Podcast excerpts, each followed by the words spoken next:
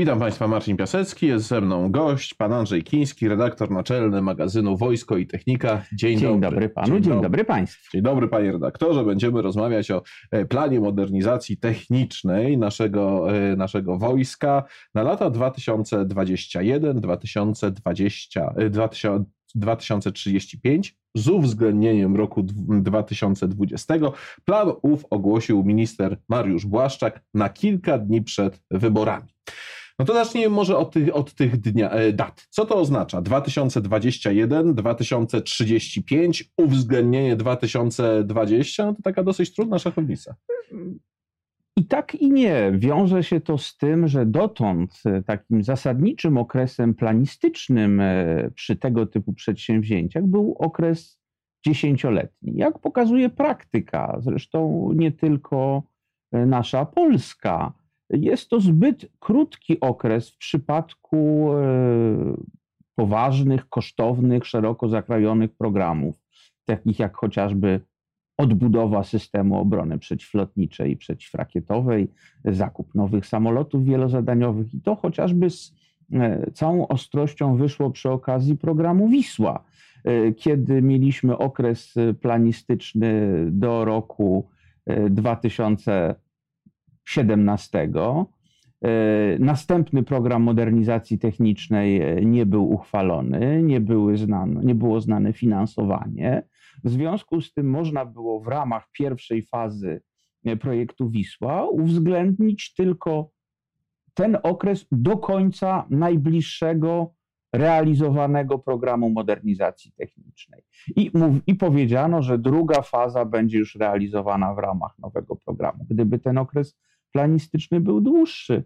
Już być może w roku 2018 można byłoby mm, zawrzeć e, dalej e, idącą umowę, szerzej e, idącą umowę dotyczącą zakupu większej liczby zestawów. Ale to jeden z przykładów.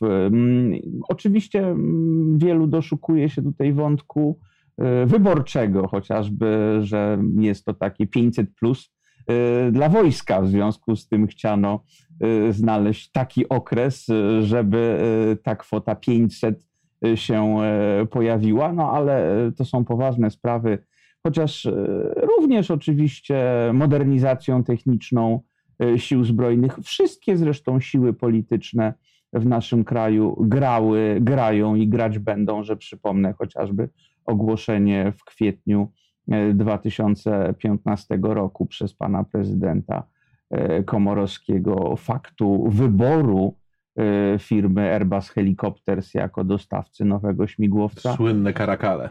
Słynne Karakale, czy też również koncernu Raytheon jako dostawcy mm, zestawu przeciwlotniczego w ramach programu Wisła. To Ale... były wydarzenia ewidentnie związane z kampanią wyborczą. W związku z tym no nie gańmy tutaj ministra Błaszczaka, że również e, ogłosił to e, w okresie przedwyborczym. Ale tak czy inaczej, e, jeżeli chodzi o pieniądze, to kwota 500 się pojawia, a nawet więcej, tak. to znaczy 524 miliardy złotych mają być przeznaczone na ten program. No cóż, mamy 15 lat, 524 miliardy. To dużo? Mało?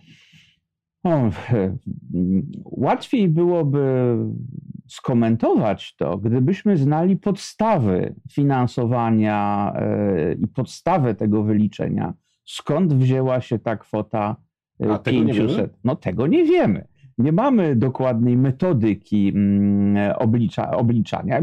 Są tacy analitycy, którzy pokusili się e, dokonania takiej estymacji, no, biorąc pod uwagę pewne informacje, które mamy, chociażby to, że w roku 2030 mamy osiągnąć wskaźnik 2,5% PKB mm, na e, obronność Mm, e, tego, jakie są wskaźniki, ile w ramach budżetu resortu obrony jest wydawane na modernizację techniczną, ale i tak no, to są pewne estymacje i to oparte na niezwykle optymistycznych założeniach, a więc takich, że przy uwzględnieniu wskaźnika inflacji, rozwoju e, i wzrostu produktu krajowego brutto przez e, kilka lat ten przyrost produktu krajowego brutto rok do roku musiałby wynosić 6%, a w pozostałym czasie w latach 2031-2035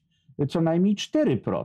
No to I bardzo optymistycznie. Tak, w tym momencie wydajemy poniżej 25% e, środków z budżetu resortu obrony na modernizację techniczną, a żeby osiągnąć e, takie wskaźniki, o których mówił minister Błaszczak, a więc 50 miliardów złotych na modernizację e, techniczną i zakupy w roku 2035, więc ten udział PMT w ogólnych wydatkach obronnych musiałby sięgnąć 40%. W zasadzie jedy, żadne państwo NATO nie wydaje takich e, środków na modernizację techniczną. A więc no, nie znając tutaj założeń, albo bazując na tym, e, co wiemy w tej chwili, no, możemy mieć pewne wątpliwości co do tego, czy ten wskaźnik, czy ta wartość ponad 500 miliardów e, złotych jest osiągalna, ponieważ no nie znamy, jak e, światowa koniunktura będzie się układać, nie wiemy, jaki będzie rozwój e, naszego kraju. W tej chwili podchodzimy do tego optymistycznie, ale 6% nie osiągnęliśmy bardzo dawno. Przypomnę, że w roku 2017, o ile pamiętam, to było chyba 4,8 PKB, w roku 2018 5,1. E, ten rok już ma być gorszy, bo rząd planuje przyrost na poziomie 4,3. E, organizacje międzynarodowe mówią o 4. No, daleko tutaj do tak, do sześciu. A to jeszcze sprawa dotyczy lat 15, czyli bardzo dalekiej Oczywiście. perspektywy i, no, I tutaj wiadomo, się mogą zdarzy. się zdarzyć co najmniej dwa ogólnoświatowe e, kryzysy ekonomiczne, które mogą ten E, miejmy nadzieję, że tak nie będzie, ale sprawić, że w pewnym roku czy w pewnych latach nasze PKB może być nawet przyrost może być ujemny. Oczywiście nie życzę tego i e, ówczesnemu rządowi, i nam wszystkim, ale to będzie miało bezpośrednie odbicie właśnie na finansowanie e, tego typu przedsięwzięć, jak modernizacja techniczna sił zbrojnych. Ale proponuję, żebyśmy roboczo przyjęli za dobrą monetę te wyliczenia i skupili się na poszczególnych programach. To znaczy to, co w tych ramach tych 524 miliardów złotych ma być zrobione, a właściwie zakupione. No zacznijmy od lotnictwa. 32 maszyny F-35. To jest sprawa dosyć znana, natomiast chyba pewną nowością jest kwestia dokupienia F-16. Tak, y, rzeczywiście mm, e, może nie tyle nowością, ale to, że ta deklaracja mm, e, padła głośno. Zresztą przypomnę, że sam program Harpia nie jest nowy, nie jest zasługą obecnych, obecnych władz, aczkolwiek rzeczywiście e, na przestrzeni ostatnich lat kierownictwa, dwa kolejne kierownictwa resortu obrony dużo zrobiły, żeby, żeby te samoloty kupić, to trzeba sprawiedliwie oddać, ale gdyby program Harpia pojawił się już w, pro, w planie modernizacji technicznej na lata 2013-2022, mm, z tym, że tam nie wskazano konkretnego typu samolotu i rzeczywiście jeszcze nie tak dawno nie braliśmy pod uwagę F-35, może w tej e, perspektywie krótkofalowej, tylko mówiliśmy o samolotach F-16. Ja myślę, że to jest bardzo logiczny krok, biorąc pod uwagę to, że potrzebujemy szybko zastąpić samoloty produkcji sowieckiej. E, I e, to byłoby, mówiąc szczerze, rozwiązanie optymalne, żeby najpierw, zanim F-35 osiągną gotowość operacyjną, dokupić F-16 dla co najmniej jednej eskadry. Przypomnę, że zgodnie z deklaracjami producenta F-35, jeżeli umowa zostałaby podpisana, czy to jeszcze w tym roku, czy na początku przyszłego. I tak pierwsze cztery samoloty zostaną dostarczone e, w roku 2024 i one trafią e, do bazy Luk w Stanach Zjednoczonych, gdzie będą wykorzystywane do szkolenia personelu latającego i naziemnego. I w, na przestrzeni kolejnych kilku lat będą dostarczane maszyny z tej pierwszej szesnastki, ale tak realnie wstępną gotowość operacyjną pierwszy polski F-35 osiągnie pod koniec następnej e, dekady. W związku z tym tę lukę po wycofaniu samolotów MiG-29, Su-22 trzeba by wypełnić i tutaj optymalne byłoby dokupienie samolotów F-16, ale pojawia się pewien problem. Już w tej chwili producent silników Pratt Whitney nie oferuje silnika F-100 PW-229, takiego, którym są napędzane nasze mm, F-16. W związku z tym no, pewnie musielibyśmy zdecydować się na to, że będziemy mieli e, flotę F-16, no, dwóch odmian i trzeba będzie tutaj pogodzić się z tym, że te koszty logistyczne będą e, wyższe, no chyba, że e, czy producent, czy samolotów, czy silników ma jeszcze odpowiednią liczbę jednostek napędowych na tak zwanym składzie ewentualnie moglibyśmy z nich skorzystać, ale Niemniej jest to w pełni realne. F-16, mm, blok 70 są produkowane, są zamawiane i istnieje tutaj możliwość, że e, mniej więcej właśnie do tego 2024-2025 e, mogłaby zostać zakończona dostawa kolejnych no właśnie, 18 ilu, na przykład. Ilu, bo y, minister Błaszczak powiedział o dodatkowych maszynach. No ile, ile, to może być tych dodatkowych? E, moim zdaniem nie opłaca się kupować mniej niż y, stanu y, jednej eskadry, a więc jest to 16 maszyn. E, trzeba by uwzględnić możliwość wypełnienia pewnych luk, które mogą się pojawić na przestrzeni lat związanych czy to z wypadkami, E, czy ewentualnymi stratami bojowymi. Więc żeby tych kilka samolotów mieć w zapasie, no trzeba byłoby, myślę, kupić gdzieś 24 mm, samoloty, żeby i uzupełnić stan e, tych trzech eskadr, które dziś latają na F-16 i mieć w pełni wyposażoną e, eskadrę czwartą używającą Jastrzębi i również mieć kilka maszyn zapasowych, które mogłyby posłużyć czy w procesie szkolenia, czy wtedy, e, kiedy inne e, samoloty byłyby w remontach, modernizacji, e, tę gotowość jednostek utrzymać. Co jest ważne tutaj w tym wszystkim, trzeba również myśleć dziś o modernizacji tak zwanej MLU naszych F-16 CD Block 52. Te maszyny już są w służbie ponad 10 lat. Uznaje się, że około właśnie 15 roku eksploatacji taką modernizację trzeba by wykonać. I tutaj jest stosunkowo proste zunifikowanie ewentualnych nowych maszyn z mm, maszynami zmodernizowanymi.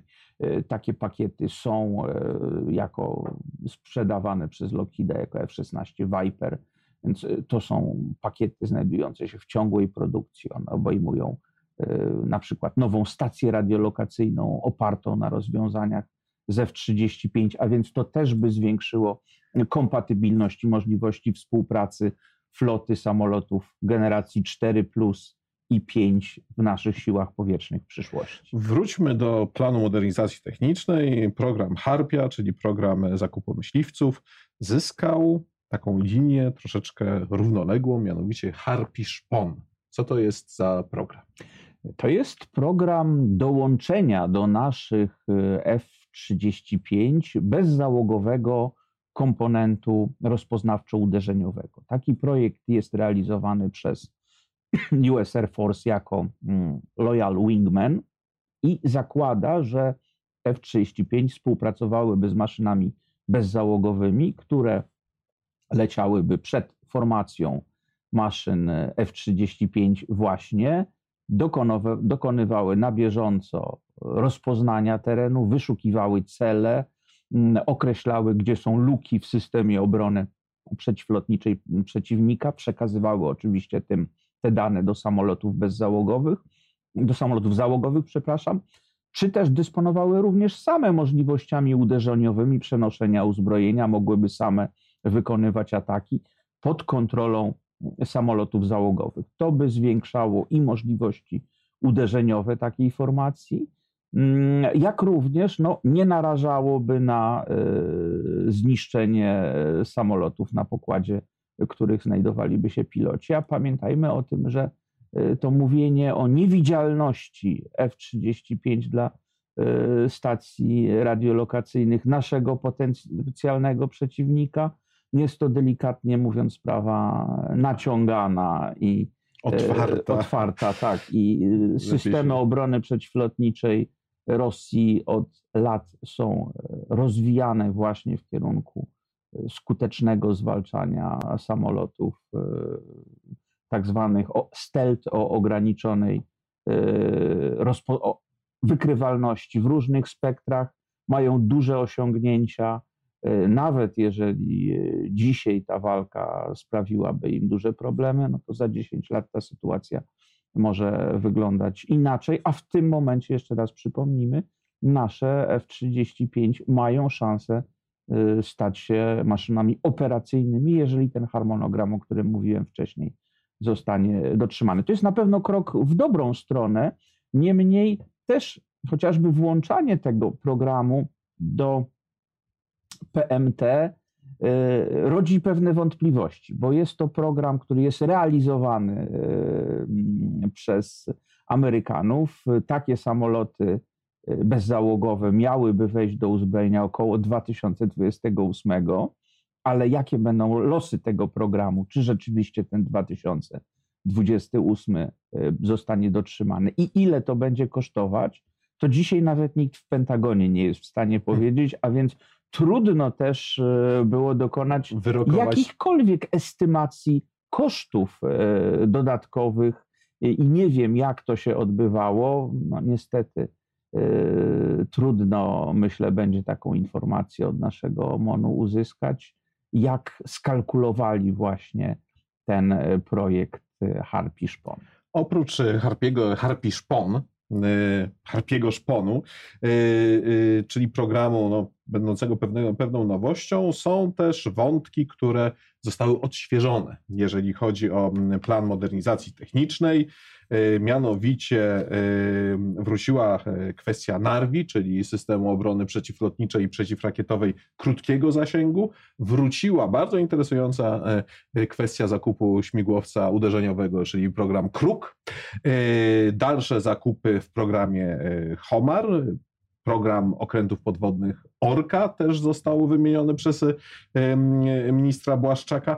Które z tego zestawu odświeżonego, tak to nazwijmy, uznaje Pan za najważniejsze? Które programy rzeczywiście wymagają jak najbardziej pilnej realizacji? O, powiedzmy sobie szczerze, to wszystko są pilne przedsięwzięcia modernizacyjne. No, aczkolwiek mamy dyskusję, czy naprawdę okręty podwodne są tak bardzo Polsce potrzebne? Oczywiście tu też można dokonać y, pewnej kategoryzacji tych, tych, tych, tych potrzeb i, i ustawienia ich na osi czasowej. Niemniej niewątpliwie najbardziej palącym e, problemem jest obrona przeciwlotnicza i przeciwrakietowa. E, mamy pierwszą fazę Wisły, dostawy mają być zrealizowane do 2022 roku. Potrzebna jest wymiana tych środków przeciwlotniczych, które e, mają jeszcze rodowód sowiecki. Stąd ta narew jest bardzo istotna, tym bardziej, że jest to program mający być realizowany, co zresztą podkreślał minister Błaszczak, w dużym stopniu przez y, polski przemysł obronny. I wobec opóźnienia drugiej y, fazy Wisły, tu też pokazuje, mm, jakie są, e, jak ta rzeczywistość wpływa na plany, bo że przypomnę, że w marcu 2018 roku, kiedy pan minister Błaszczak podpisywał e, umowę mm, na zakup systemu Wisła, czy pierwszego etapu programu Wisła, mówiło się, że mm, na pewno w ciągu 12 następnych miesięcy umowa na drugą fazę będzie podpisana.